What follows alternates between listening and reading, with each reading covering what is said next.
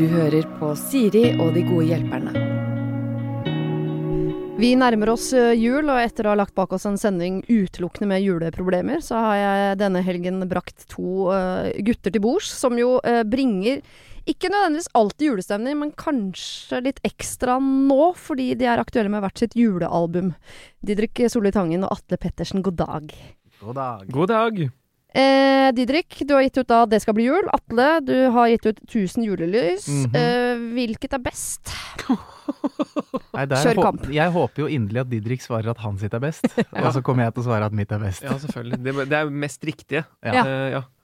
Men, eh, Men jeg har hørt på julealbumet til, Adli, eh, til Adlik, eh, som den nye artisten er nå. Ja. Adlik. Det er, Adlik? det er vår eh, duo. Adlik. Så- jeg har hørt på julealbumet til Didrik, Ja. og det er dritfint. ja. Det er skikkelig, skikkelig fint. Og du, Didrik, har ikke hørt Atle sitt, eller? Jo, jo, det har jeg. Ja. Og jeg, altså, jeg har eh, Jeg har jeg faktisk på den derre eh, Hva heter det? På den derre eh, On repeat Ja. på Spotify, Ja. eh, så ligger eh, Atle Pettersen sin eh, Den duetten du har med Lilja Myhre. Der ligger den. Så, så der fikk du den i retur. Det er hyggelig. Ja. Men hvis dere ikke får lov til å velge hverandre, da, for det skjønner jeg at dere kommer til å gjøre nå fordi det er det mest korrekte osv., eh, hva er liksom ultimate julemusikken for dere? Vil du begynne, Atle? Jeg kan begynne. Eh, nei, og for meg eh, så er julemusikk på en måte i utgangspunktet på norsk. Ja. Eh, jeg er veldig glad i det mer sånn veldig sånn tradisjonelle, kanskje litt mer sånn eh, salmebaserte julemusikken. Okay. Eh, det er i hvert fall veldig, veldig julemusikk for meg.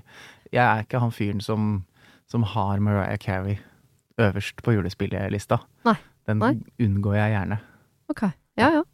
Så ja. Og du da, Didrik? Jeg føler at jeg kanskje er litt sånn i motsatt eh, ende, altså. Jeg er litt sånn sucker for, eh, for, eh, for nettopp det. Eh, kanskje Altså de derre Altså når det er sånn eh, hva heter det? Ordentlige jingle bells. Dumbjeller og litt sånn eh, den pakka der. Men, men eh, fordi det, det, det samsvarer jo ikke med, eh, med det jeg har gitt ut, fordi at der er jeg nok mer i landskapet til Atle. Men jeg bare sånn, når hvis jeg liksom skal høre på musikk, da, så føler jeg at det da går litt vekk Altså for jeg føler at jobb er jobb. Og at Ja, jeg, så- liksom, ja, så, så, så da må jeg ha litt sånn 'Driving Home for Christmas' Mm. og, og de, de typisk amerikanske klassikerne, da. Men, men det skal sies at når jeg setter meg i bilen og skal hjem til Grenland, Ja.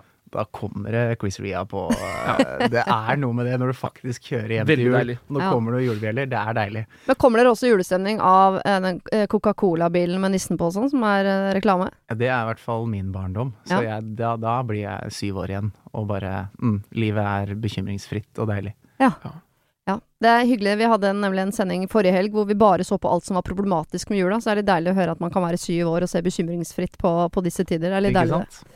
Men vi skal jo snakke om problemer uh, i dag. I noen uh, ja, eh, gode timer. Så uh, det derre syv år og bekymringsfritt, det kommer vi ikke til å, å hilse på så mange Det ganger i legger jeg dag, fra dessverre. meg med en gang. Vi skal hoppe rett inn i et juleproblem. Det er en her som ikke ønsker å reise hjem til jul. Hun skriver. Jeg er en kvinne i midten av 30-årene. Jeg flyttet ganske tidlig fra det lille stedet der jeg vokste opp, og har bygget meg opp et nettverk av masse skikkelig fine folk her hvor jeg bor nå. Jeg aldri, jeg har aldri hatt et særlig nært forhold til mine foreldre, men jeg har et helt ok eh, forhold til dem, altså. Jeg reiser hjem noen uker på sommeren, og ellers noen helger her og der i løpet av året. Og da har vi det ganske hyggelig. Men så er det denne jula, da. Jeg har egentlig ikke noe særlig lyst til å dra hjem, og har kjent på dette noen år. Jeg feirer gjerne jul med andre venner eller uh, lignende istedenfor, og jeg har noen ganger feiret med kjæresten og deres familie. Men nå er jeg singel, og føler at uh, nå må jeg faktisk dra hjem til foreldrene mine til jul. Jeg kjenner veldig på dårlig samvittighet overfor foreldrene mine, som jo tross alt ikke er veldig unge lenger. Men så lurer jeg på, fins det noen gyldig grunn til å, å ikke feire med foreldrene sine, som ikke er altså da ny partner eller egen familie? Er jeg utrolig kjip som ikke ønsker å dra hjem til jul? Burde jeg bare godta at jul er familietid, og så får jeg heller bare planlegge noe hyggelig med mine nærmeste venner en annen gang? Hvordan skal jeg så vel slå meg til ro med det? Hilsen Sonja. Altså, Sonja har ikke noe gyldig fravær fra Jeg tenker at Sonja, hun har fått en gavepakke. Hun har fått forskudd på julegave av julenissen, koronanissen. og det er covid-19. Kjære mamma og pappa, jeg har så lyst til å dra hjem til dere, men jeg føler ikke at det er trygt. Og det er mye, og så kan hun lage en grunn på at det kanskje er mye smitte der hun bor, eller et eller annet, da, vet du. At det er, det er best å kanskje At vi skal stå over det i år, for alle. Kanskje hoste litt, eller når hun ringer? Ja, hoste lite grann. Ja. Eventuelt si at hun kommer hjem, og så ringe lille julaften og si 'jeg har blitt sjuk'. Ok, la oss, oh, en- eh, la oss nå bare Den eh, enorme skuffelsen. Jeg kan bare høre det hos foreldrene. Men hvis vi nå koser oss litt med muligheten for at det er lov med noen hvite løgner nå i jula, Ja. Hva er best å ljuge nå, sånn at de har tid til å planlegge og skulle være alene uten datteren sin i jula, eller som du skisserer her, dagen før, når på en måte ribba er lunken og treet er pynta? Nei, altså Hvis jeg skulle dratt en hvit løgn selv der personlig, så hadde jeg nok gjort det nå, ja. Ja. ja. Og, og brukt covid for det det er verdt, da. Ja. At man omsider kanskje kan få noe for hennes del positivt ut av det. Det redder jo hennes jul sånn egoistisk sett i år, men langsiktig er det jo ikke noe god Hva skal man finne på neste år? Svineinfluensa? Fugleinfluensa? Håper på, håper på covid-20? Nei, la oss ikke håpe på det. nei. Eh, nei, jeg, jeg tror at, uh, at uh, Altså, det med å reise hjem i jula uh, er jo en sånn Hva skal jeg si det, det, er, det er veldig vanlig, og en sånn, sånn typisk greie, føler jeg. Men altså, jeg tenker jo at de åra som du da har, da, hvis du er i 30 Altså, var hun ikke, var hun ikke 30? Mm. Ja. Tenker jeg sånn Altså, jeg angrer på at jeg ikke feira jula mer aleine. Altså at jeg reiste til eh, Thailand eller eh, altså, altså bare, bare opplevde jul andre steder enn hjemme, da. Mm. For at det, altså, Ja. Sånn som nå, så er jeg jo eh, far til to, og nå har vi fått et hjem, da, Mm. som eh, vi skal feire jul i eh, forhåpentligvis resten av livet. Og da er det toget litt sånn litt kjørt, på et eller annet vis. Mm. Ja. Eh, så jeg tenker at eh, hvis man legger det fram på riktig måte, eh, og det at man har lyst til å feire jul, eller prøver bare å feire jul et annet sted, Ja. eh, tenker jeg sånn, det må jo være lov å bare legge fram det. På Mm. sånn, bare helt legitimt å si sånn Du, jeg har lyst til å prøve det, liksom.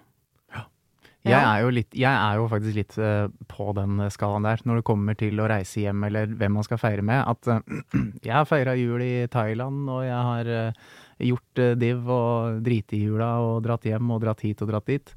Eh, og det er jo noe med Jeg tenker jo, som, som Didrik sier, at, at det, det må være åpent for å bare si det til foreldrene sine, og at det nødvendigvis ikke handler om at sånn Jeg vil ikke feire jul med dere. Nei, det er jo ikke det det, er jo ikke det, det går på. Nei, nei. Eh, for hun har jo et godt forhold til foreldrene sine, som hun sier. Og da tenker jeg sånn at eh, dette her handler mer om bare eh, utforsking. Altså at man vil Ja. bare prøve noe nytt, da. Og, Mm. og, og så vet man at OK, er, er mora og faren din litt sånn skrantende, og du veit at OK, kanskje dette her er siste jula eh, du eventuelt får med dem. Ikke dra til Thailand, liksom. Men, men, hvis du, men hvis ting ser sånn noenlunde bra ut, og eh, man tenker at dette her eh, Det kommer en jul neste år, Ja. eh, så jøss, Men det er jo aldri lett det der med jula, og, og spesielt liksom familie, og hvem skal feire med den, og så blir noen furt her, og noen blir lei seg for det, og det er, liksom, det er, en, det er en sånn feiring hvor det er egentlig sånn umulig å please alle. Ja, men er ikke nettopp Altså, jeg er helt enig i at uh, Orienten høres jo mer og forlokkende ut enn Grenland, liksom, så jeg kan skjønne at dere drømmer dere dit. Men du eh, hvis, hvis eh, disse foreldrene ikke har noen andre å feire med Altså, de blir sittende alene uten datteren sin eh, på julaften hvis hun velger da Og det er ikke det at, hun sier jo ikke det at hun vil ut og oppleve verden, det er bare at hun syns det er mer eh, digg å feire med venner, liksom. Mhm. Er ikke nettopp Hvis noen tid på året er det ikke i jula man kanskje skal svelge noen sånne personlige kameler og, og, og gjøre det som er liksom best for gruppa? Og ikke bare sånn Ja og nei. Sorry, jeg var ikke meningen å få deg til å føle deg dum der borte nå, men er, det ikke nå man skal liksom si sånn OK, jeg har lyst til å være på Løkka og drikke latte med kompisene mine, men eh, mamma og pappa blir sittende aleine, liksom, så da får jeg gjøre det i januar. Ja, men da er nok det kanskje den Altså, da, da tenker jeg det er ultimatumet, da. At hvis, man ikke har en, en annen eh, sånn altså plan som eh, krever at det er jul et annet Altså, som jeg sier, at hvis du ikke har en plan om å feire jul i New York, for eksempel, eller mm. et annet annet sted som du har lyst til å oppleve Mm. Hvis ikke du har det, så har du på en måte ikke noe sånn Tenker jeg sånn Det å henge med, med noen andre eh, bare på jula Altså, da er jo hvilken som helst annen dag like grei. Ja. Så, så da har man jo Da tenker jeg da er det lurt Ja. eh, å kanskje velge foreldre men, eh, og familien. Men, men hvis, du, hvis du har en plan da, og et ønske, det er det jeg mener Altså Hvis man har en ønske om å feire jul et eller annet annet sted, eller oppleve noe spesielt Det kan jo være å reise ut i skauen nå, for den saks skyld. Ja, ja. Bare være ute i skogen med telt og primus, liksom. Det er jo noen som syns det er kult òg. så hvis man har et sånt spesielt ønske, så syns jeg man skal gjøre det. Ja. Men hvis ikke du har det, eh, og det er da, eh, som du snakker om, å drikke kaffe eh, på Løkka, som man kan gjøre eh, andre dager i året, Ja, ja. eh, som, som da kanskje ikke krever den derre Ja. Det er noe spesielt med å bare gå ut i skauen på julaften og feire Jeg tror vi skal møte hverandre på midten her. Jeg tror vi egentlig er enige. Hvis det var sånn at du sa jeg har alltid drømt om å feire jul i New Ja. York, så gjør det nå. Det har du muligheten til, selvfølgelig. Mm, ja. Hvis det er bare sånn jeg er ikke så keen på å feire med mutter'n og fatter'n i år. Så det er ikke sånn Jo, men det må du bare Hvis ikke du har sånn, noe gyldigere fravær enn at du bare ikke er så keen på det, så syns jeg du skal svelge den kamelen kamelen og dra hjem til jul. Og så får du gjøre de andre tingene du er glad i de andre 364 dagene i uh, året. I hvert fall når det heter Sonja. Det er noe juleaktig med det. ja. Jeg, jeg Ja, føler er en forpliktelse med det navnet der. Det er jo ikke det verste som skjer i livet, å komme hjem og bli verta opp, da. Nei. Tenker nå jeg.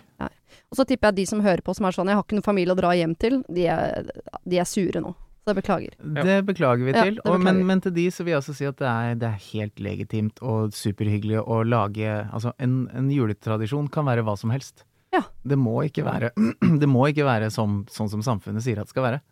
Nå har jo allerede Didrik sagt du kan dra ut i skauen med en primus. Ja, og det skal jeg innrømme at det hørtes litt digg Ja, det er enig, det hørtes Så jeg ble litt sånn hm, Kanskje jeg skal gjøre det i år, Men det høres enda diggere ut nå som man har den familien med de to ungene og den bikkja og sånn. Det hørtes nesten enda mer forlokkende ut. Kom seg ut i skogen med en primus. Det hørtes veldig stressende ut for meg, hvis jeg skulle hatt med familien ut i skauen. Ja. Ja, den, den ser jeg. Den ser jeg.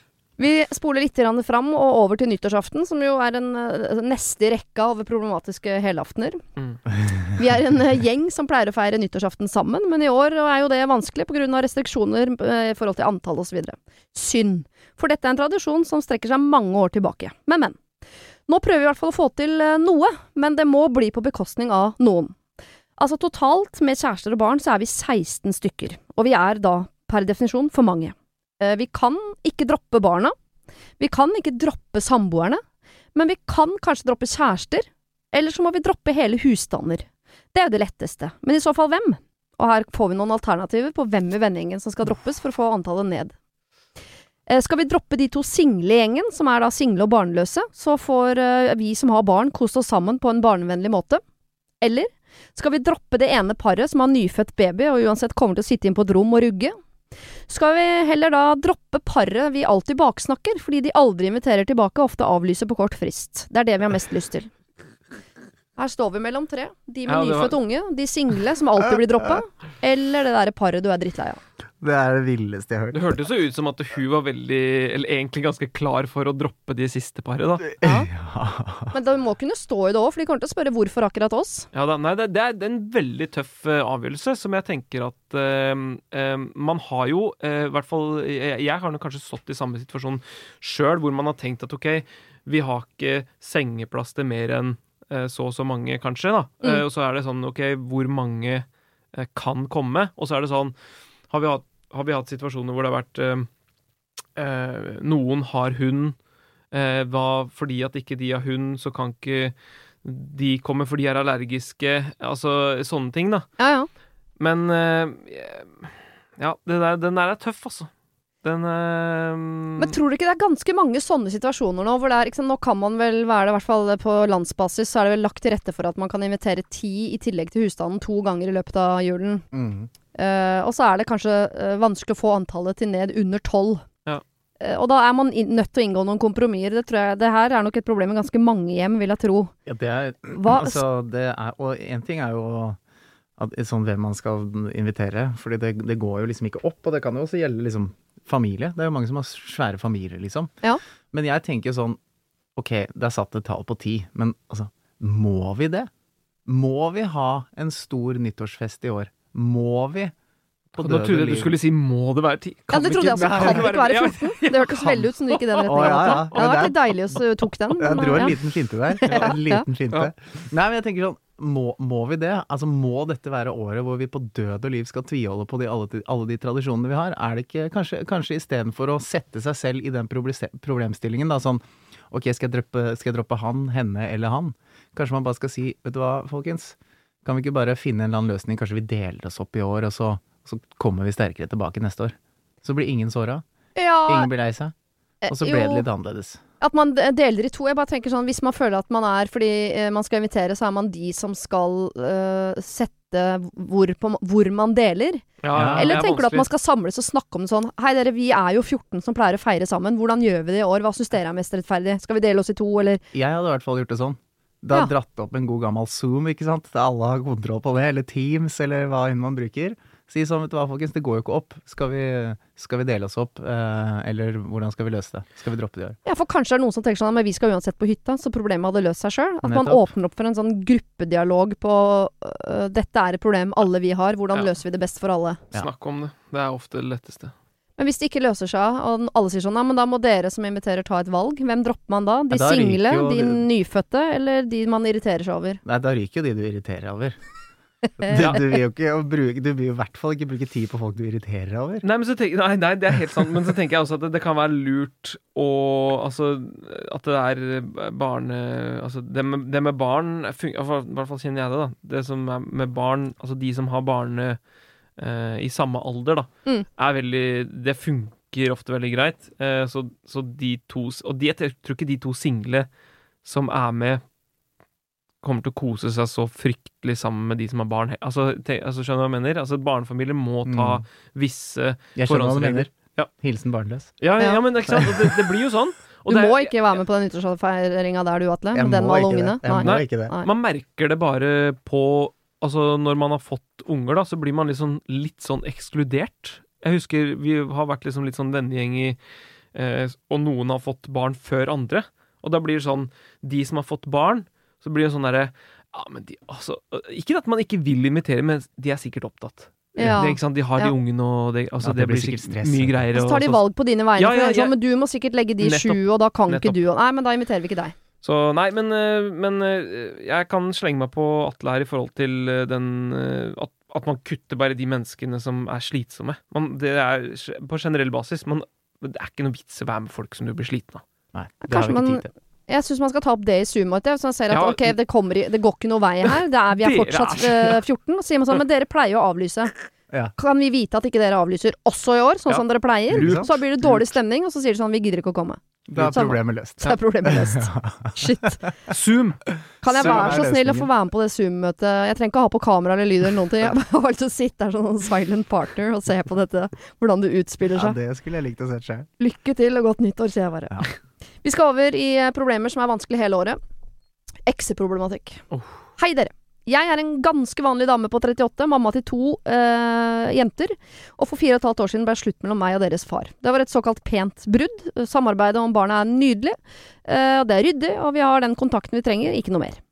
Siste to årene så har jeg vært i forhold med en flott fyr. Han har også to øh, barn, som han er en super pappa for. Vi bor hver for oss til foreløpig. Altså, de bor, de bor ikke sammen, men er mye sammen. Og de har eh, delt omsorg begge to, og har ikke involvert barna i en sånn voldsom grad. Tar det litt i sakte tempo. Så til problemet. Jeg kjenner på en tidvis intens sjalusi på eh, han og hans eks og deres forhold. De har nemlig daglig kontakt når vi er sammen, ofte flere ganger om dagen. Jeg antar at det stort sett handler om barna, altså, men innimellom så forteller han meg ting fra hennes liv som gjør at jeg forstår at de prater om det aller meste. Altså, det er naturlig at de samarbeider om barna, og jeg forstår at de deler ting. De har jo levd sammen i typ, hva da, 13 år, vært gift. Da vi ble sammen, skiftet han dekk på bilen hennes, han hjalp henne å pusse opp hjemme og ordna småtteri hjemme hos henne. Det har blitt mindre av det da, da jeg sa fra om det på et tidspunkt. Jeg har spurt om han kan ta ting med henne når vi ikke er sammen, vi har jo tross alt ganske mye tid hver for oss. Jeg skulle ønske at jeg var så raus at jeg taklet dette helt utmerket, eh, og, så, eh, og at jeg var så trygg at dette ikke var et problem. Jeg syns det er vanskelig å snakke med han om det, for jeg gidder jo ikke å være hun som gnåler hele tida, og han vet hvordan jeg har det. Kanskje det hadde vært enklere om hun så ut som et esel, men hun er både pen og driver med yoga, så du skjønner, det er ikke hun som kommer dårligst ut her. Jeg har veldig behov for å kjenne meg som den viktigste dama i hans liv, i hvert fall den nest viktigste etter hans datter. Hva skal jeg gjøre? Jeg kan ikke fortsette å ha det sånn her. Jeg håper jeg kan lære meg å leve med det, for jeg vil ikke miste han. Eh, før jeg møtte han, så visste jeg ikke at jeg var sjalu i det hele tatt, men nå kjenner jeg på det jevnlig, og jeg skammer meg. Men hvordan skal jeg lære meg å leve med det? Hilsen et esel. Donkey. Uh, Du hang deg opp i det med yoga, hørte jeg, Atle, men det Nei, det var ikke meg. Det var han. Det var ja, ja, ja, ja. Ja, pene nei, som driver med yoga, hun har vi jo møtt. ja, vi har vi det. har jo det. Ja. Men uh, jeg ble gift meg, da, så det er digg. Ja. Men, uh, men nei, altså har hun det- en eks, eller som hun kommuniserer med hjemme? Nei, Kan- hun hun har ikke det. Nei, bra. Nei, men du, det som, det som kanskje er um, det som kanskje er uh, litt av- Det som hadde vært interessant å vite, var om han eh, duden eh, Om det var hun som slo opp med han, Oh, ja. eller omvendt. ja. Fordi der er det litt sånn derre Det er en litt sånn Mm. En liten greie som kan være grobunn for sjalusi. Fordi at eh, Jeg tenker at hvis man har en eh, god venn, da, eh, som jeg føler at disse, disse to menneskene er, i og med at de kommuniserer så mye, eh, så må de jo være eh, gode venner og trives i hverandres selskap, eh, men ikke som kjærester Mm. eh, på et eller annet tidspunkt. Og da tenker jeg at eh, eh, Ja, den eh, ja, det, der skulle jeg hatt en liten eh, Det hadde vært morsomt å visste. Om de ja. var For du tenker eh, at hvis det er hun som gjorde det slutt, så er det større sjang... Eller da er det mer eh, er det, eller greit å være sjalu, fordi ja, da kanskje han fortsatt vil ha henne. Han Ja. bare får henne ikke. jeg, jeg, jeg tenker at det eh, Jeg tror jo at det er sånn. Bare Ja. sånn det er det, det er første jeg tenker, fordi at hun er så- Altså, det er derfor hun er sjalu. Mm. Ehm, men det må jo være Uh, Jeg, jeg, jeg syns det er rart at hun tenker at hun skammer seg over å være sjalu. Altså, jeg tenker at det må jo være Altså, hvis man blir sjalu, så er det jo en grunn til det. Eh, Ja, det kan være en Og hun tenker sånn Hun er penere enn meg, jeg har ikke så god kommunikasjon med min mann, jeg skulle ønske vi hadde så god kontakt som det de har. Jeg får det ikke til på samme måten. Og hun kommer ned i den posituren i yoga, Ja. og det får ikke jeg til. Jeg er stiv som en stokk. Og så føler man seg bare Man tenker sånn Hvorfor er du sammen med meg, egentlig? Du var jo sammen med verdens diggeste yogadame før. Ja, sånn, ja. Og så ruller ballen. Mm, ja, ja. Ja. Velkommen i kvinners univers, som jeg jeg- skisserte her. Ja, og, og, og, og jeg tror at eh, Jeg tror egentlig nå, nå, nå, melder jeg at det er fare for at dette høres fornuftig ut. Ok? Uh, og uten at det skal virke som noe parterapeut heller. Men det høres jo ut som at det egentlig kanskje ikke er eksen som er problemet. Men at det er en eller annen sånn Det er en sånn kommunikasjonskneik i det forholdet, da. Altså, det, er, det, det lyser litt igjennom at i det forholdet hun er i, så, så er det liksom mangel på, på trygghet. Mm. Ja. Eh, at kanskje han mannen ikke er eh, optimal på å føle, få henne til å føle at hun er trygg, at hun kan, han vil alltid være der for henne, og at, eh, at de har god kommunikasjon på det, da. Mm. Og så er på en måte denne eksen en slags sånn trigger, som gjør det litt sånn tydelig. Ja, I hvert fall for foreløpig så har de jo ingenting felles utover at de er kjærester, men han Mm. har jo uh, felles barn med eksen. Mm. Uh, han har god kommunikasjon Foreløpig så har han mer med eksen enn han har med henne. Mm. Det er sikkert vanskelig. De, har ikke, de, de bor ikke sammen, de har ikke barn sammen. De har egentlig ingenting sammen annet enn liksom at de må stole på at de elsker hverandre. Ja. Det er der, kjørt, vet du. Ja, der er det kjørt. Altså, jeg tenker bare, der, der, der ligger mye av problemet. Fordi at uh, Det er nok nettopp det. At det ikke er noe felles eh, der, som de deler. Altså, eh, når, når hun da tenker at han eh, duden deler mer med eksen sin enn mm. en han gjør med hun, Mm. så er det jo klart at det vil være, det vil være med usikkerhet, da. Og med usikkerheten så kommer også sjalusi, da. Ja, absolutt. Hvordan skal de fikse det, da? Fordi eh, man vil jo si liksom at dere må kommunisere mer, men jeg skjønner jo at hun er redd for å nage. òg, hvis hun hele tiden skal ta opp sånn Ja. 'Å, hun derre eksen, hun derre eksen', så gjør hun jo seg til mer slitsom og eksen til enda mer forlokkende, Ja. hvis du skjønner? Men jeg, jeg, jeg mener, jeg mener eh, parterapi. Altså prate om ting, da. Det er Ja, jo og, og da, for det, det, men jeg er, sånn, jeg er sånn fyr som er opptatt av at parterapi nødvendigvis ikke er at man skal gå og fikse et problem. Det er ikke noe sånn at man må gå, gå i parterapi for å, fordi man har et problem, og det må vi fikse. Men eh, det kan være en veldig fin løsning på å bare bli bedre kjent med hverandre. Fordi mennesker er uh, mye dårligere til å snakke sammen enn vi liker å tro, da. Ja. Og det å få en sånn objektiv stemme og, og trykke på noen knapper og åpne opp noen dører, kan være veldig forløsende for veldig mange. Ja. Uten at man nødvendigvis er sånn Nå holder det på å gå til helvete, så nå må vi gå til noen og fikse det. Ja, da er det jo ofte for seint, sier jo de fleste parterapeuter også. Men hvis dette er jo så langt utelukkende et problem eselet, det er ikke noe hyggelig å kalle henne for det, det må Nei. si at det er hun som gjorde det først, Ja. eh, som hun har. Og hvis eh, La oss si at din kone, da, Didrik, kom mm. til deg. Hun hadde et problem som du ikke syntes var et problem i det hele tatt, men hun mm. syntes det. Og så måtte du drive og bli med i parterapi. Det er ikke ditt problem, dette her. Nei, men, men jeg tenker jo at eh, når det er et problem for hun, så er det jo også et problem for meg. Fordi jeg, man, man lever jo med eh, hverandre, da. Og da tenker jeg at eh, det er viktig for meg at eh, hun øh, ikke går rundt og, og, og tenker på noe som er unødvendig. Og så Mm. tenker jeg at det er, det er viktig altså at eh, Dette har vi snakka mye om òg, Angelica og jeg, i forhold til dette med å møte hverandre på uh, en, en ting som kan føles stort for den ene personen, men som, tenk, som ikke er så veldig stort for den andre. Ja. At man eh, eh, sier ja, jeg syns eh, det du eh, når du gjør sånn eller sånn, eh, så syns jeg det gjør eh, da, får jeg, da får du meg til å føle meg sånn og sånn. Ja. Eh, og så blir, kan man tenke sjøl at ja, men jeg mener jo ingenting med det. Og så kan du liksom bare tenke at, at du bare blåser det vekk. At fordi at det er jeg Det er jo helt eh, Mm. borti natta, det du sier. Ja. Uh, men så handler det jo bare om å møte uh, hennes frustrasjon, da. uh, Rundt det. Så det er, jo- dette her er jo egentlig en oppgave for han duden, eller han, han eh, gubben, som må møte hennes frustrasjon. For det er, det er jo der det ligger nå, at eh, hun har en frustrasjon rundt eh, ja, problemet. Og hvis han kommuniserer så godt med hun eh, yogadama, så må han jo kunne kommunisere så godt med eselet også, hvis eselet blir med, på en måte. Ja, og så tror jeg også at det kan være at sånn Det er ikke nødvendigvis at han kommuniserer så fryktelig godt med den eksen sin, men hun har bare skapt seg et lite bilde av alt dette inni hodet sitt. Ja. Fordi at hun føler at hun mangler noe i det forholdet. Men hun kan jo gjøre et triks som min kone ofte bruker på meg. Og det er at hun plutselig bare sånn begynner å spille av sånn Kjærlighetspodden-ting og sånn. Oh, ja. Og, og sånne, sånne parting, da. Som bare går i bakgrunnen. Som bare plutselig hun setter på ganske høyt. Ja. Så bare sånn, hør på det her. Var ikke det litt smart? Så bare, Plutselig hører du sånn utpust med skarre her som sier sånn Du må snu speilet. Ja, akkurat det. det er sneaky business. men det er sneaky business. Men det skal også sies at jeg tenker sånn Ja, det der, det der har jeg ikke tenkt på, faktisk. Ja. Det var litt lurt. Fordi vi menn er sånn Vi, er, vi, setter, vi setter ikke på kjærlighetspodden, altså. Det, Nei. ikke sant? Må ikke finne på. Men, eh, men det å introdusere han for litt sånne ting uten at man nødvendigvis skal ta det opp som et problem. Bare Mm. sånn, du, vet du hva, jeg har begynt å høre på dette, det er sykt interessant faktisk, Mm. det de snakker om her. Smart. Hva tenker du om det?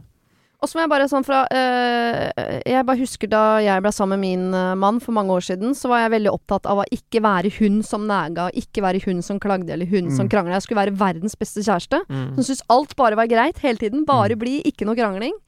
Eh, og det funket jo ganske bra en stund, og jeg tenkte sjøl herregud, jeg må jo være drømmedama. Eh, helt til da eh, trykkokeren var på en måte full, og da klikker man jo i vinkel over bitte små ting. Man aner Ja. ikke hvorfor man er sur engang. Ja. Og det, jeg, bare, jeg er litt redd for at Esi nå, hvis hun skal gå rundt og late som det er greit Nei, det Jeg er ikke sjalu, nei, Nei. det går kjempefint. Og så plutselig på eh, klokka to på nyttårsaften så klikker hun fullstendig fordi eh, kalkunen har svidd seg, liksom. Og så er det ikke det det handler om. Men det er jo helt legitimt for henne å si til eh, kjæresten sin da Du, jeg må bare, jeg må bare si det, men jeg, jeg er ganske sjalu Ja. på at dere har så god kommunikasjon, liksom. Ja. Uh, og jeg vet at uh, Og jeg syns det er teit at jeg er sjalu, men jeg føler det sånn. Ja, Og så må hun da vise at hun er villig til å legge en jobb i at jeg vil ha sånn like god Ja. kommunikasjon med deg som det dere har. Selv om det er jo Han har vært sammen med henne i 13 år, vært gift, de har vært gjennom ting som fødsler, og Ja, de har vært gjennom ting som er vanskelig, som jo Mm. krever kommunikasjon i større grad enn to år med nyforelskelse. Ja, ja. Så det er jo et kvantesprang, på en måte. 100 Men burde hun ikke også, bare spørsmål på tampen her, burde hun ikke også sette pris på at han er en fyr som klarer å ha god kommunikasjon med eksen sin om de viktige tingene som barn osv.? Er ikke det en egenskap hun burde elske? Jo, for jeg tenker jo det ville jo vært mye verre hvis hun hele tiden fikk nag fra han om eksen. Ja. Det hadde vært dritt. Ja. Det hadde vært verre. Mm. At han hele tiden kom hjem til henne og klagde over den slitsomme eksen. Ja, eller var en sånn far som baksnakka mora til ungene, Ja. og som eh, ikke sant, At det bare var liksom surr og tull hele Ja. veien. Det må jo være egentlig verre. Ja, jeg, Ja. jeg tror det. Kanskje hjulpet litt på selvfølelsen hennes. Det kan- innimellom, det er men, sant, det er sant. Men, men, nei, jeg er enig. Jeg, så jeg, tror, jeg tror at de skal sette seg ned og så prate litt om det. Og det, det handler ikke om å nege, det handler om å bare rett og slett være voksne mennesker og prate om problemene sine. Mm. Ja. Og nettopp da så tror jeg det er viktig å ta den kommunikasjonen tidlig, før du egentlig er så irritert at ikke du klarer å kommunisere på noen annen måte enn gjennom nagging. Så jeg tenker Ja, ja. jo før, jo bedre. Absolutt. Ja. Og sett på noe sånn eh, noe med utpust i bakgrunnen der, som han bare får inn med melka, og så ser vi om det løser seg. ok, vi skal over til en tiltaksløs bror. Her står det. Hei, fine rådgivere. Eh, Rett på sak. Jeg skal prøve å gjøre problemet kort. Det er hun ikke klart, til, vil jeg bare si fra om på forhånd. Det er hun absolutt ikke klart.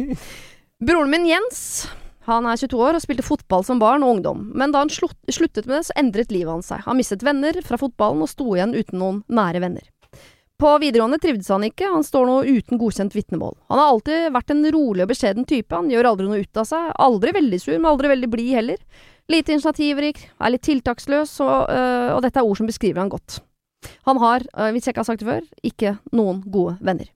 De siste årene har mamma tatt han i å røyke hasj, noe han har innrømmet. Han har begynt å henge med feil folk i et feil miljø som ikke er bra for han. Han har ikke noe fulltidsjobb, eh, og mamma har nå eh, tatt fire narkotikatester på han som han har sagt seg villig til å ta, så de siste årene. Noen har vært negative, andre har vært positive. Som søster har jeg alltid tenkt at dette kommer til å ordne seg, for øh, øh, Men jeg har vært bekymret for situasjonen. Han øh, har, og så kommer hun med noen eksempler på ting han har gjort. Han har kjørt til, og fra en fest i påvirket øh, tilstand, blant annet av hasj og ecstasy. Eh, han har blitt tatt i tollen, hvor han har da prøvd å frakte eh, ecstasy og hasj over grensa, fått bot på det. Mamma føler skyld, og lurer på hva hun kunne gjort annerledes, og er rett og slett veldig bekymret. Hun føler at hun står alene i denne situasjonen. Samtaler om at han må få seg jobb, og alt om narkotika og at det er farlig, eh, de, eh, har hun prøvd å ta med pappa, men det hjelper åpenbart ikke. Så, hvordan kan vi hjelpe min lillebror med å få orden på livet sitt? Hvordan skal han få en jobb, et stabilt liv, hvordan skal han få gode venner som vil han godt, og hvordan skal han få troen på seg selv? Det er frustrerende som familie, som elsker Jens overalt på jord, å se at han faller på denne måten. Det går jo ikke an å bestemme over en 22 år gammel mann, men noe må vi jo kunne gjøre. Han er egentlig en fantastisk god gutt. Han har kjæreste og samboer, han er lystløgner og lyver om stort og smått. Eh, og eh, broren til pappa, altså onkelen vår, døde av overdose. Han var narkoman, så dette er en hendelse vi har blitt oppdratt med. Og for min del, eh, i hvert fall, så har dette ført til at jeg er fullstendig motstander av narkotika. Stor klem fra meg! Og det er mye her, og dere hører at jeg leser litt sånn stikkordsmessig, fordi eh, hun feila jo i ønsket om å gjøre denne mailen kort. Mhm. Eh, men hun elsker broren sin. Han, han får det ikke til. Hva kan man gjøre som søsken? Å, det er vanskelig, altså. Ja, det er vanskelig. Det er så vanskelig. Har du søsken, Atle? Bare Ja, jeg har en eh, storebror. Nå, storebror. Ja. Mm. Vi vet at du har en bror, Didrik. Ja, Ja, ja. Hva hadde dere gjort da om s- søsknene deres falt helt ut på skråplanet? Hva gjør man da? det Ja, er, hva gjør man da? Um, det er jo um, Det er jo helt tydelig at han på en måte Han, han mangler på en måte noe Noe han brenner for, da. Ja. Noe han har lyst til. Ehm, så sånn helt konkret så ville jeg nok bare prøvd å bare tatt han med på ting. Fått han til å bli interessert i noe. Ja. I, sånn, I første omgang.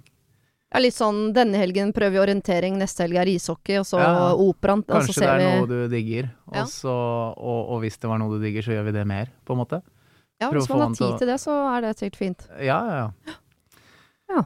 Eller eh, Ja, nei, men eh, det der er så vanskelig. ja, nei, jeg, tror, eh, som Atle sier, å introdusere for Det kan være sport eller interesser, altså ting og tang. Altså prøve å få han med på noe som vil få, hva skal jeg si, interessen over på andre ting, da. Fordi jeg tror det kan være veldig sånn eh, tungt å skulle ro seg ut ifra en sånn eh, I hvert fall hvis man er liksom veldig sånn Altså hver dag hele tida ehm, på denne hasjbølgen, så tror jeg at det kan være veldig tungt å komme seg ut av. Bare rett og slett fordi at man man har den der eh, vennen, da, den sneipen, som du paff, paffer på, og da er det liksom Da har du det bra, da, når du koser deg med den, liksom. Ja. Ehm, Blir jo ikke veldig overraska når jeg hører henne beskrive han som barn, at på en måte den dagen han prøvde hasj, så føltes det som sånn Oi, hei, dette er en verden jeg kan trives i. Ja. Det kan, det kan jeg forstå, at Ja. det går den veien. Og da er det jo desto vanskeligere å få han ut igjen, da. Ja. Hvis han trives bedre der inne enn her ute. Og da tror jeg det, det er jo Jeg tror i, vel, i hvert fall veldig mange tilfeller så er jo eh, Er jo rusproblemer eh, knytta til eh, altså et eh, tomrom. Altså inni oss, da. Hvor vi Hvor det rus, rusen fyller noe som vi kanskje skulle ønske at vi hadde i livet vårt eh, Mm. eh, ellers. Um, så og, og, og der igjen eh, er det jo da Du ser jo veldig mange som har vært rusavhengige, som finner, eh, finner Jesus, for eksempel. Mm. Altså Gud og religion. Mm. Eh, som da igjen eh, fyller et tomrom.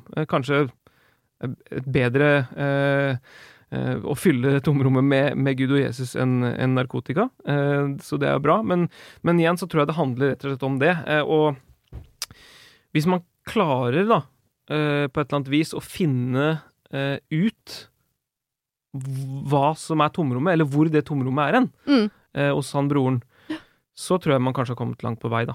Eh, Så det, det det er vanskelig, da. Å, Ja. å, å finne det tomrommet, og altså finne ut av hvorfor. For det høres, jo, det høres jo ut som på en måte Det høres jo ut som han eh, Som en fyr som på en måte Ja, så han spilte fotball, og han drømte om å bli fotballproff. Og så var det kanskje det eneste han følte han fikk til. Eh, og så ble ikke det noe av. Og hva skal jeg gjøre nå? Nå er det liksom Jeg kan ingenting. Mm. Jeg vet ikke hva jeg skal finne på. Eh, og det er jo Altså Og hvert fall hvis man ikke har noe man brenner for, så kan det jo virkelig sånn meningsløst å skulle gå helt inn i noe som helst, hvis ikke det er noe som kjempemeningsløst. Men jeg vet ikke om det fins at det ikke er noe man brenner for. Det må være et eller annet, man bare har ikke funnet det ennå. Eh, Jo. jeg tror det. Ja, jeg, jeg, altså, jeg kjenner meg altså litt igjen i det der med at eh, man Altså eh, Tidspunkter i karrieren så er det jo eh, måneder uh, hvor det kan være helt stille, og det kan jo kanskje vi som artister ha kjent ganske mye på nå, eh, Mhm. spesielt i koronapandemien. Eh, hvor man eh, kommer til det punktet at eh, du kjenner at eh, OK, hva gjør jeg nå, liksom? Altså hvis, hvis ikke jeg får synge med, hva skal jeg finne på da? Ja, ja. Eh, og da blir liksom Så man kan liksom kjenne på det at eh, da, da, da blir det jo et tomrom da, som blir tatt bort. Eh, og da skjønner man jo også at eh, man kan forstå hvorfor folk begynner med det, da. Ja. Eh, og den avhengigheten som, som kan bygges opp eh, hvis man begynner med noe som som skal fylle tomrom. Så jeg, absolutt, jeg, forstår, jeg forstår hvorfor folk gjør det. Og da er det jo vanskelig å si, hvis han ikke har hatt noen nære venner, og så får han nå noen venner gjennom dette miljøet, og så Ja. kommer mor og søster inn fra sidelinjen og sier sånn, det er feil venner. For han tenker jeg sånn, ja, men det er i hvert fall venner, så uh, det er litt vanskelig å skulle gå bort ifra dette nå. Ja, for det er det sånn Jeg, jeg tror ikke noe på sånn Jeg tror ikke på at, at løsningen er å liksom sitte og holde han i hånda hele tida og passe på at han ikke gjør noe feil. Nei. Fordi at han vet jo også at det ikke er bra. Mm. Det vet alle som driver med det, på en måte. Og, og, og det er jo derfor de blir avhengige, for når hvis de i hvert fall gjør det, så slipper de å sitte med den angsten de har når de er edru. Mm.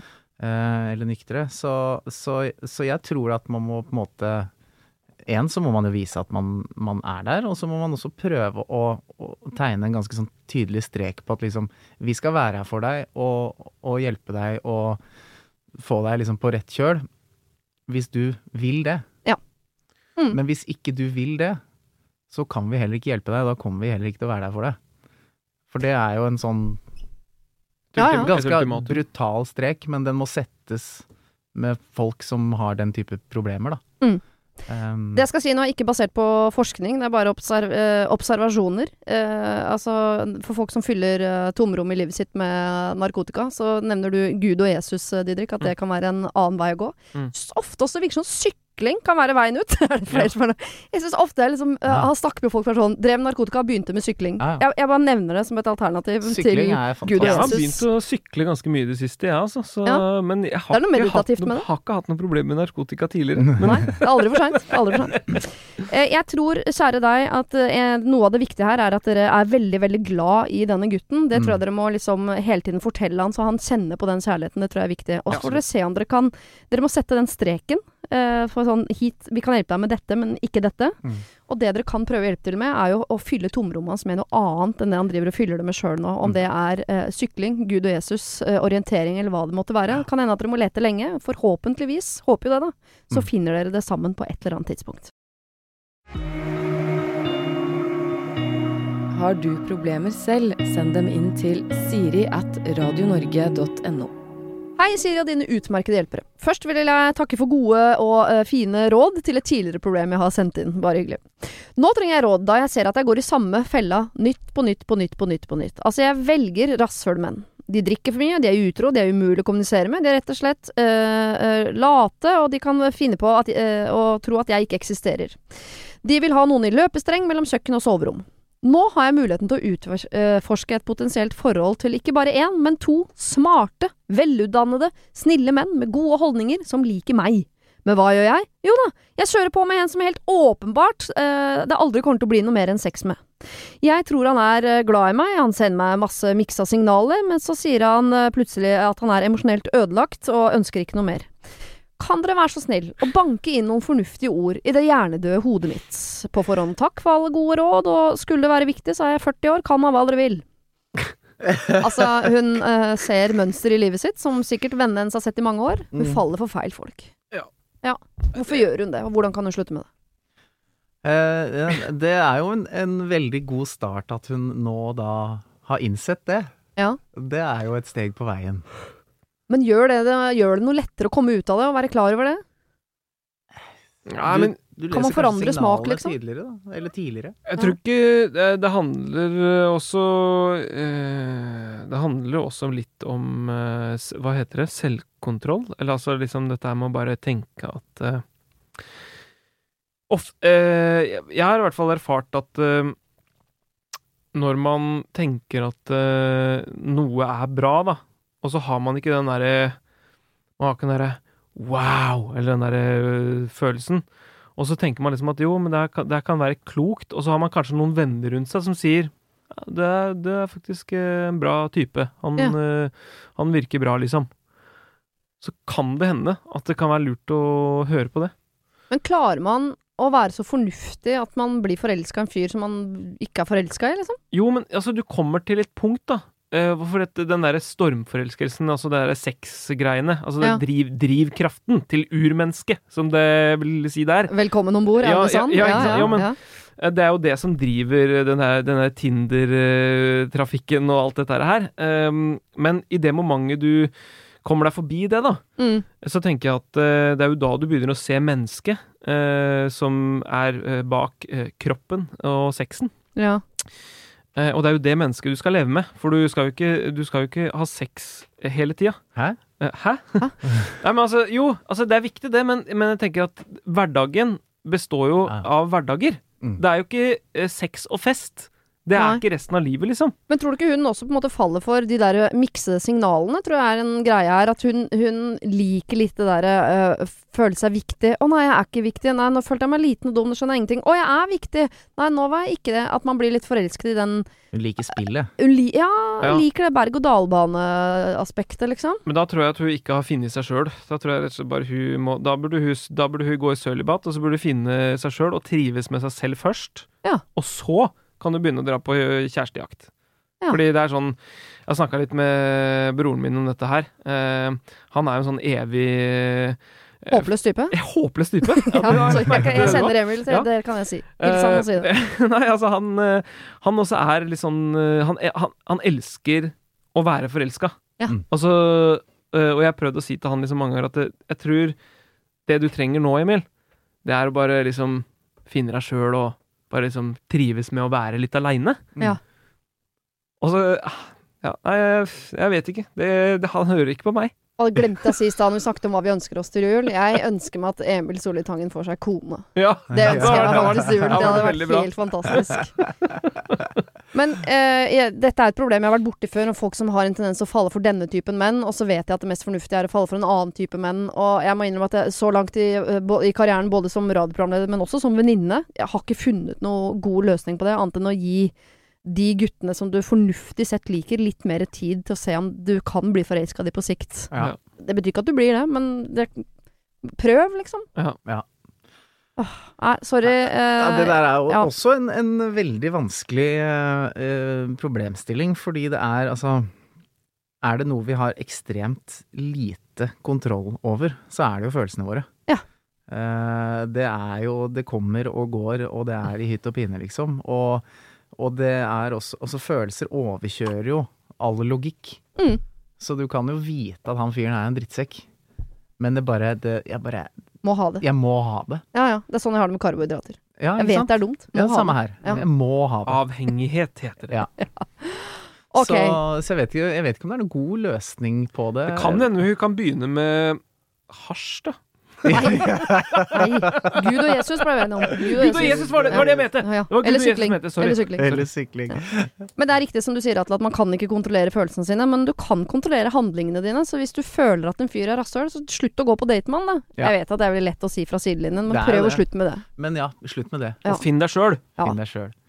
Nå skal vi hjelpe eh, Pernille, hun er i midten av 20-åra, og har veldig lyst til å skrive en slags unnskyldningsmelding til sin eks. Vi hadde et veldig fint forhold i bunn, men rundt oss var det alltid sterk storm da min familie mislekte han ekstremt mye, og vi måtte snike oss rundt for å møtes. Det ligger selvfølgelig mye mer rundt dette turbulente forholdet, men for å korte det ned, familien min syntes at han ikke var bra for meg, jeg stakk av, familien min klikka, prøvde å gjøre alt for å ødelegge forholdet og trua oss. Vi slo opp til slutt, fordi forholdet ikke tålte mer. Brutalt og vondt.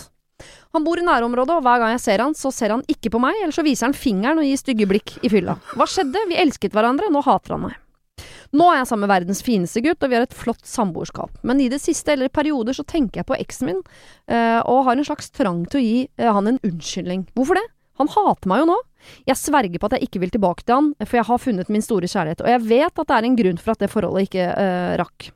Jeg syns bare det er ubehagelig at han skal gå rundt og tenke at jeg eh, har forandret mening om han, og at jeg nå er tilbake hos familien, at de vant på en måte, da.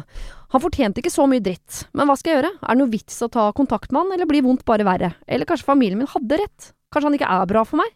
Han var aldri slem mot meg, altså. P eh, hjelp meg å sortere tankene mine. Hilsen Pernille. Altså, hun er på et bra sted nå, men Mm. klarer ikke å glemme eksen. Ikke fordi hun vil ha han, men hun har lyst til å si unnskyld til han og forklare. En forsoning, liksom. Ja. Ja. Og Slippe at han skal vise fingeren når han går forbi, eh, på en måte. Eller Ja. Jeg tenker, kan hun ikke bare sende en melding og si unnskyld? Uh, et, det høres ut som uh, målet her er jo for å få henne For at hun skal selv føle seg litt bedre rundt det. Og hun vet ikke helt hvorfor at han uh, hater henne nå. Selv om det sikkert er mange logiske grunner til det i hans virkelighetsbilde. Jeg tror ikke han tenker at hun også sviktet han og bare blei med familien sin i liksom, hatkampanjen mot han, liksom? Helt sikkert, helt sikkert. Men, men jeg tenker sånn, for hans sin del, hvis det er det han føler, og han får en melding fra henne og bare Vet du hva, jeg, jeg beklager virkelig. Jeg er skikkelig lei meg for at ting ble som det ble, og jeg følte at vi hadde en bra ting, men det funka ikke, bla, bla, bla. Men vite at liksom Ja, jeg er lei meg for det. Så er det jo to muligheter, og det ene er at han tenker idiot, eller Mm. Ja, for det var fint, det satte jeg pris på, at liksom jeg fikk oppklart det. Mm. Eh, og, og hun kommer til å føle seg bedre. Sånn uavhengig av hva hun ønsker å få øh, ut av et, øh, en videre relasjon med han, da. Men da kan hun også i hvert fall vite at sånn Hvis han fortsetter å hate henne, hate henne, så kan hun i hvert fall tenke i seg selv at Men jeg sa i hvert fall unnskyld, og jeg har, jeg har ikke noe usnakka, på en måte. Jeg er enig i de to alternativene. At En kan jo risikere at den ene fingeren i været blir til to, på en måte. Ja. Eh, eller at han forsoner seg med det. Men så er det et tredje alternativ her. Det er at han tenker sånn Åh, Hun vil ha meg igjen. kanskje jeg skulle tatt opp Ah. tråden med hun, og så blir det vanskelig med hun med, i forhold til han hun er sammen med nå. Ja, det, den, den så jeg ikke komme. Nei. Den så jeg ikke komme. Nei, men Hvis hun har funnet den store kjærligheten, og hun er på et veldig godt sted, så er jo ikke det noe problem heller. Da vil jo ikke hun ha noe problem med å avvise han på en fin måte, tenker jeg, da. Men, eh, men eh, nei eh, Jeg tror jeg kanskje det, det er vanskelig å, å la det gå, det skjønner jeg jo, men det å prøve å bare tenke at det var det beste, altså det var for det beste, eventuelt, hvis man bare eh, ser neste gang en ser den personen, så bare du, to, to ord, liksom. Bare eh, jeg, jeg føler at vi gikk ut på en litt sånn dårlig Dårlig fot, holdt jeg på å si. Ja. um, For det er sjelden det er feil å si unnskyld. Hvis du går rundt og kjenner på at du burde si unnskyld, Ja, så burde du det. Man har jo skyldfølelse for et eller annet. Ja, ja. så bare få det ut, og så, og så er det litt sånn hans tap, da. Hvis han er drittsekk tilbake, da, tenker jeg. Altså, Ja. da Ja, det er da- jeg helt enig i. Ja, da har hun i hvert fall fått et svar på om han Det er i hvert fall ikke hun som er urimelig. Nei. Nei. Og, Men kanskje hun skal involvere, ikke involvere, men si fra til kjæresten sin. Trygge han på at uh, jeg bare går rundt og føler at jeg burde si unnskyld til eksen min, så jeg kommer til å sende han en melding, bare så jeg er klar over det. Det Og her er den Der er meldingen. Da har du lest den, bare så du vet at dette ikke er noe Og vær veldig tydelig i meldingen på at dette ikke er starten på noe. Dette er bare for å forklare at ting burde ikke ha gått som det går, og jeg er lei meg. Jeg synes er synd at du viser fingeren til meg. Mm. Håper vi en dag kan gå forbi hverandre i byen her og nikke til hverandre istedenfor å Altså ikke nikke hverandre ned, men altså eh, Si- nikke som et hei, da. Ja. Ja. Og være veldig ryddig på det, begge. For hvis hun begynner å snike Ja. SMS-e Ja, med han fyren og åpne opp en ny dør og sånn, da blir det jo bare trøbbel. Det blir bare tull. Så det Ja. var et kjempegodt råd, syns jeg, fra Ja. deg. Eh, ja, det Mm. var ikke for å bekrefte at mine råd var veldig gode, men Du ja. jobber kanskje med det her, du? Ja. Hvis ikke så burde du tenke på det. det. jeg har vurdert det. 2021, det er Ja. året for meg. Eh, Pernille, det, hvis du går rundt og tenker at du har lyst til å si unnskyld, så skal du si unnskyld. Men pass på at ikke i liksom prosessen så er det nye folk du må si unnskyld til etterpå. Da tenker jeg spesielt på han du er sammen med i dag. Ja. Mor og far drikker, står det her. Det er ikke så betent som dere kanskje tenker med en gang. Så uh, bare uh, hør på dette. Jeg og min søster er i slutten av 20-åra, og vår, dette handler om drikkingen til våre foreldre. Ingen av oss bor i samme by som de, men når vi er på besøk, så overnatter vi jo. Det er ikke alltid samtidig, men når vi er der, så har vi med familien vår, altså mann og barn. Problemet starter på kvelden etter at barna har lagt seg. De klarer ikke å styre seg med alkoholen. Det blir bestandig både ett og flere glass for mye. Da fører samtalene ofte i en dårlig retning, som igjen fører til dårlig stemning, og det ender ofte med at vi går og legger oss tidlig på kvelden, før vi merker at det er i ferd med å renne over. Resultatet er da at de blir irritert og syns at vi lager dårlig stemning, eller er kjedelige fordi vi er så avholds eller partypupere. Veldig vanskelig for meg å høre 60-åringer bruke partypuper, men ok. Det er veldig gøy. De forteller da historier fra da de var unge, og hvor lenge de var oppe og festa. Og de skjønner ikke, rett og slett, at det er de som er grunnen til at vi går og legger oss tidlig. Vi har forsøkt å ta det opp med mamma flere ganger i edru tilstand, og da er hun veldig forståelsesfull og sier at ja, dette forstår jeg, jeg skal skjerpe meg. Men likevel så skjer det eh, på samme måte hver gang vi møtes. Vi har derfor sluttet å ta oss et glass sammen med de, fordi vi rett og slett ikke orker resultatet. Det blir det samme hver gang. I tillegg er vi jo redd for at barna våre skal våkne og kjenne alkolukt, eller at de skal oppleve sine besteforeldre i denne tilstanden. I barndommen vår var det ikke sånn, altså. Vi har egentlig eh, Vi kan ikke huske at mamma var full før midt i tenåra. Og foreldrene våre er veldig ordentlige folk. De jobber, eh, og de, eh, men de koser seg med alkoholen når helga kommer. Så nå spør vi da. Har vi noe vi skulle ha sagt på denne drikkinga, eller er, er det noen konkrete tips man kan komme med her? Hilsen to fortvilte søstre som vil være anonyme. Kall oss Tuppen og Lillemor. Altså, har, skal vi begynne der? Har de noe de skulle ha sagt i forhold til De er voksne. Foreldrene er enda mer voksne, og de koser seg med alkohol etter at barna har lagt seg, i helga. Altså, de har jo noe, for så vidt noe de skulle ha sagt med tanke på at hvis vi skal være Ha det hyggelig med dere, Mm. så har vi det ikke hyggelig når dere er dritings. Så sånn sett syns jeg jo at de har noe de skulle ha sagt. Hvor mye de foreldrene måtte drikke i helgene når de ikke er der, har de for så vidt ikke noe å si på, på en Nei. måte. Så lenge det ikke er et problem, vel å merke. Um, men ehm, det kan jo også Altså, det kan jo, denne drikkingen, da, kan Mm. jo bare være et resultat av at liksom Nå, nå, de blir ivrige. ja, ja. Vi får, nå, har vi, nå har de kommet hjem, vi har fått besøk, og nå skal vi kose oss. Og så Mm. bare boom, så bikka det. Mm. ja. Så, men det er ikke noe hyggelig for det, det er ikke det jeg sier. Men, men det er ikke sikkert at det ligger noe sånn Men- bak det. Du nevnte jo et eller annet med at det, var sånn, at det ble dårlig stemning, og praten gikk i feil retning, og sånne ting som det. Og da Mm. tenker jeg sånn at eh, Fordi det er jo ofte sånn at eh, når man drikker, så kommer litt sånn uh, grumset eh, fram, da. Mm. Så en idé kan jo være å faktisk få renska opp hvis det er noe grums. Altså, er det noe usnakka eh, med foreldrene? Ja. eh, som man kanskje kan få Fordi at alkohol eh, i, i rett eh, stund, eh, holdt jeg på å si, i rette former, skal jo egentlig bare gjøre det hyggeligere. Eh, altså, som regel så gjør det jo det. Ja. Ehm, selv om det kan bidra til diskusjoner og sånn, så tenker jeg sånn Hvis det hver gang blir liksom eh, Hva skal jeg si kjipt, da. Mm. Kan, kan det være noe usnakka? Altså, er det liksom eh, Er det noe som ligger i lufta der? Er det Det kan, man, kan de jo spørre seg sjøl om. Er det noe vi har, ikke har snakka med de om? Mm. Og så er det jo den derre følelsen av at eh, eh, Det er litt sånn ond sirkel at man går inn eh, i den derre Når man er på besøk, da.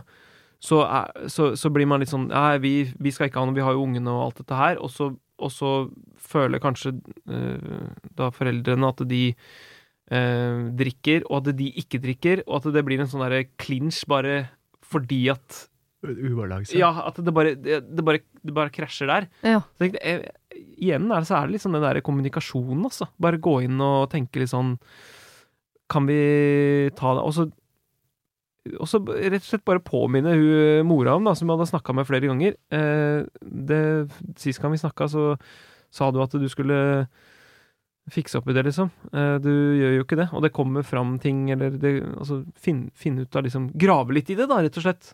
Ja, for jeg skulle gjerne visst, jeg er litt enig med deg, at uh, hvis det ligger masse grums Altså hvis man først skal drikke sammen, så bør det jo være tomt glass i utgangspunktet, før man begynner å, å, å helle oppi. Ja.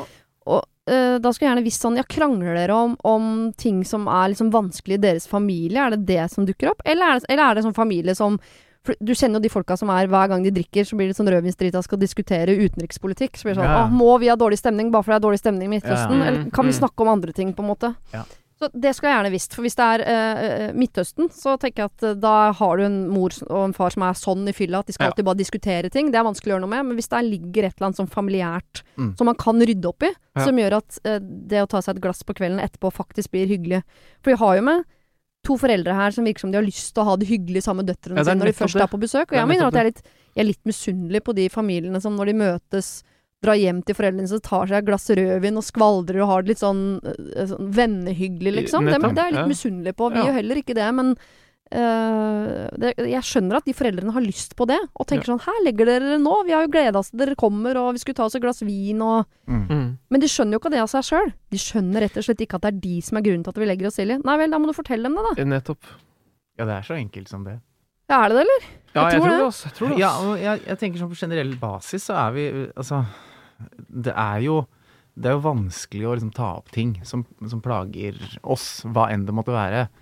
Mennesker er på generell basis veldig konfliktsky. Mm. Og hvis du ikke er konfliktsky, så blir du ofte oppfatta som vanskelig. Ja. Eller vrien eller kverulerende. Så, så jeg, jeg, tror at eh, alle hadde hatt godt av å bare ikke være så redde for at, at det er ikke så farlig. Og så kommer jo alt an på hvordan du sier det, men jeg tror liksom hvis du bare setter deg helt stille og rolig og bare sier Vet du hva, vi syns det er ganske ubehagelig Ja. når dere blir veldig fulle. Ja. Uh, og, og det tror jeg liksom Det er en problemstilling som barn kommer til å ha til foreldre uansett hvilken alder man er i.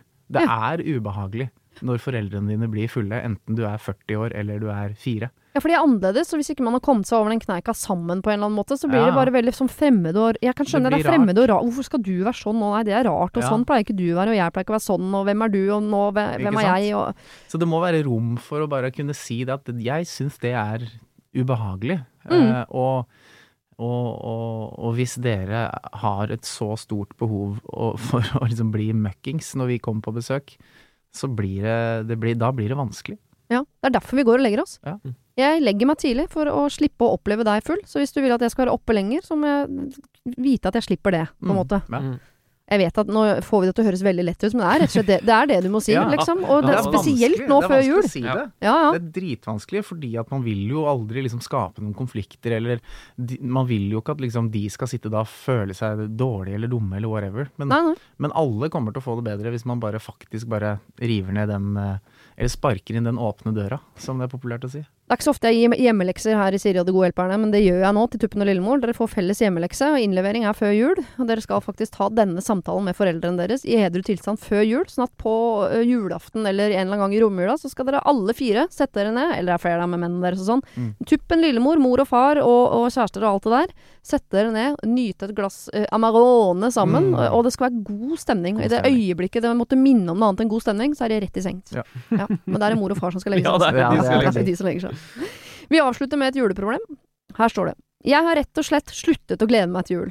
Det er en deilig julestemning her hos meg nå. Ja. Fantastisk. De siste årene har jeg blitt voksen, altså jeg er i slutten av 20-åra, og jula er ikke den samme som før.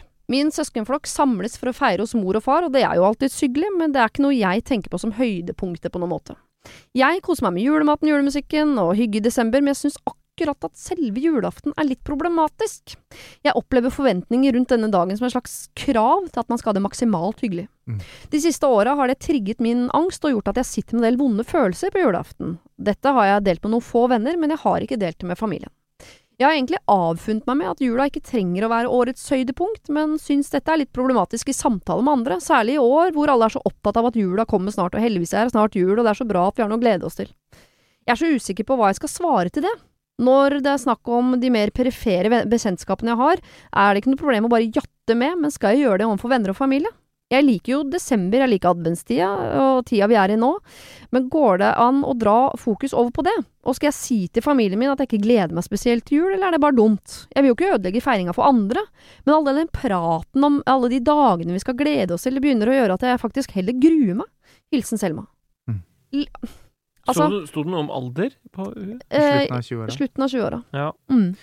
Det er jo eh, Jeg tenker jo at eh, jeg, jeg har eh, de siste åra, altså ettersom jeg har blitt voksen, så har jeg mista mer og mer sånn derre Altså det derre desemberbarnet som du hadde da du var liten, ikke Mm. sant? Altså i forhold til det å bare glede seg over alt. Altså snø og pakker og julenek og dompapper og alt dette her som liksom hører med, da Ja.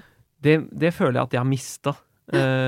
så um, eh, jeg, Og det tenker jeg at det må være lov å være ærlig eh, på. Man blir ikke Grinchen av den grunn, liksom. Så jeg, jeg tror at eh, det handler om at man på et eller annet tidspunkt i livet så vil man oppleve kanskje at, at eh, jul eh, Noen vil oppleve det, at det er eh, annerledes, og at Mm. ikke du gleder deg så forferdelig mye til det. Eh, og da tenker jeg, da kan man jo I år kan man jo ikke det, men da kan man jo gjøre noe annet. Eh, reise bort eller noe sånt. Eh, og så tror jeg jo, da, eh, og det håper jeg også på, at det kommer litt tilbake igjen. Kanskje hvis man er så heldig å få barn, Mm. eh, så eh, kan jula eh, revitaliseres litt gjennom ungene, da. For det merker jeg nå at eh, nå er det sånn 'Pappa, se! Det snør ute!' Og, og så blir man litt sånn Ja, det, det gjør det. Mm. Ja. Og så du Før så tenkte du faen, nå må jeg ut og måke igjen, liksom. At det blir det, Ja, men at det blir en sånn eh, At du får en liten sånn glede gjennom ungene, da. Ja. Eh, som jeg kjenner litt på nå. Så jeg, jeg tror at Ta det helt med ro. Den derre jula eh, Jeg kommer hvert år. Det går i Eh, faser, liksom. Ja, det går, jeg tror det går litt i faser. Mm. Og at man, at man ikke syns det er så stas med de juledagene, er det så farlig, da? Nei, men da er mitt spørsmål videre sånn øh, øh, Fordi hvis ikke det er et Hun skisserer jo ikke som et enormt problem at andre gleder seg til jul, det er bare at hun gjør ikke det. Mm. Um, og med mindre mindre det trigger en angst som gjør at, at det blir verre av å ikke si det høyt, så tenker jeg sånn, det er jo ikke noe vits i Selvfølgelig, hvis noen spør Det ser ikke ut som du elsker julen sånn hardt. Så kan man si sånn Nei, jula er ikke nødvendigvis min favorittid på året. Jeg er veldig glad i midtsommersaften eller et eller annet annet. Mm. Men nå skulle, jeg, man trenger ikke å gå rundt og liksom øhm, være profet i den øh, surheten, liksom. Man trenger jo ikke å hele tiden liksom fortelle sånn Hver gang noen sier sånn 'Å, jeg gleder meg til jul!' Det gjør ikke jeg! Nei, nei, nei, det trenger du ikke. Nei, Nei. absolutt ikke. På ingen måte. 'Å, julemat er godt!' Ganske. Ja. 'Å, så deilig med pakker og snø!' Nja. Altså, vi, vi må ikke dit, liksom. Nei, men, men jeg tror litt av poenget er bare som Didrik sier, at, eh, at, at hun uh, Det er greit å på en måte innfinne det i seg selv. Ja. At det kanskje kan dempe den liksom angsten eller det presset man måtte føle, da.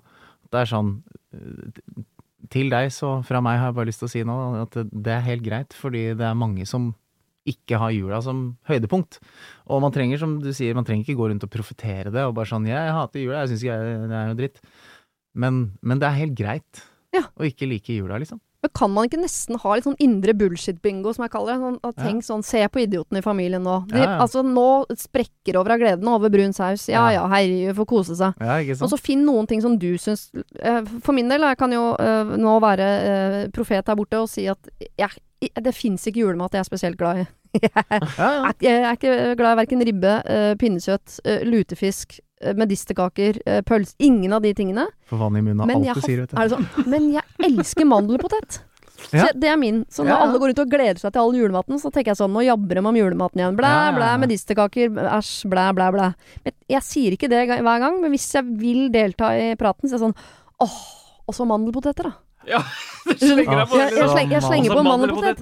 Altså, og så er det jo litt Det er jo noe med at ehm, Altså, for å uh, sitere en, en god venn som jeg var mange dager i skauen med, Øystein Pølsa Pettersen. Ja. han snakker veldig sånn fint om sånne, sånne typer problemer som man kanskje har inni seg selv, og det er på en måte energien din, den følger fokuset ditt.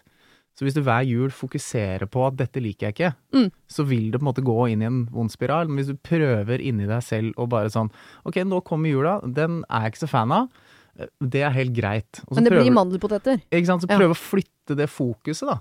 Ja. På Hvem at skulle liksom- trodd at pølsa med medisterpølsa skulle bli eh, coach? Ja, hvem skulle tro? Hvem skulle Men tro? Han sier mye lure greier, så det er sånn Ok, kanskje du kan fokusere på noe annet som skjer i den tiden, da. Det er sånn åh, ja, nå får jeg fri fra jobben, ass. Ja. Det er digg, det. Det er digg, da. For eksempel. Så på spørsmålet skal jeg si til familien min at jeg ikke gleder meg til jul Du. Nei. Nei, du trenger ikke det. Trenger Men, ikke ikke det. det. men hvis vi spør, så kan jo man være ærlig. Ja. Og, og, og stå i det. Ja. Mm. Ikke sant? Men du så trenger ikke bare- å ljuge eller å si jeg gleder meg. Så jeg gleder meg like mye som de andre. Du trenger ikke å Nei. være Instagram på to bein, liksom. Nei, nei, du nei. kan bare ja, Ja. være helt ja, ærlig, da. Ja. Ja. Men ikke å overdrive i noe som helst retning. Mm. Dette hadde jeg ikke trodd jeg skulle si noen gang, men går det an å si noe oppsummerende som Finn din mandelpotet? Ja, det var, Det det var klokt. sagt. Jeg vet ikke om det er et bilde som alle kommer til å forstå. Du bør ha hørt ganske nøye på denne sendinga. Ja. Men Men finn din finn din indre mandelpotet, liksom. Se om du kan glede deg til det. Eller ta et kurs med Øystein Pølsa Pedersen. Det er også et Ja. alternativ. Det er et alternativ. Eh, jeg håper dere gleder dere til jul, eh, Didrik og Atte. Det er jo ikke lenge igjen. Så jeg ønsker dere en fortreffelig jul og et godt nyttår. I likeså. Takk. Likeså. Det var det. Husk å sende ditt problem til siri at radionorge.no om du vil ha hjelp. Denne podkasten er produsert av Rubicon for Bauer.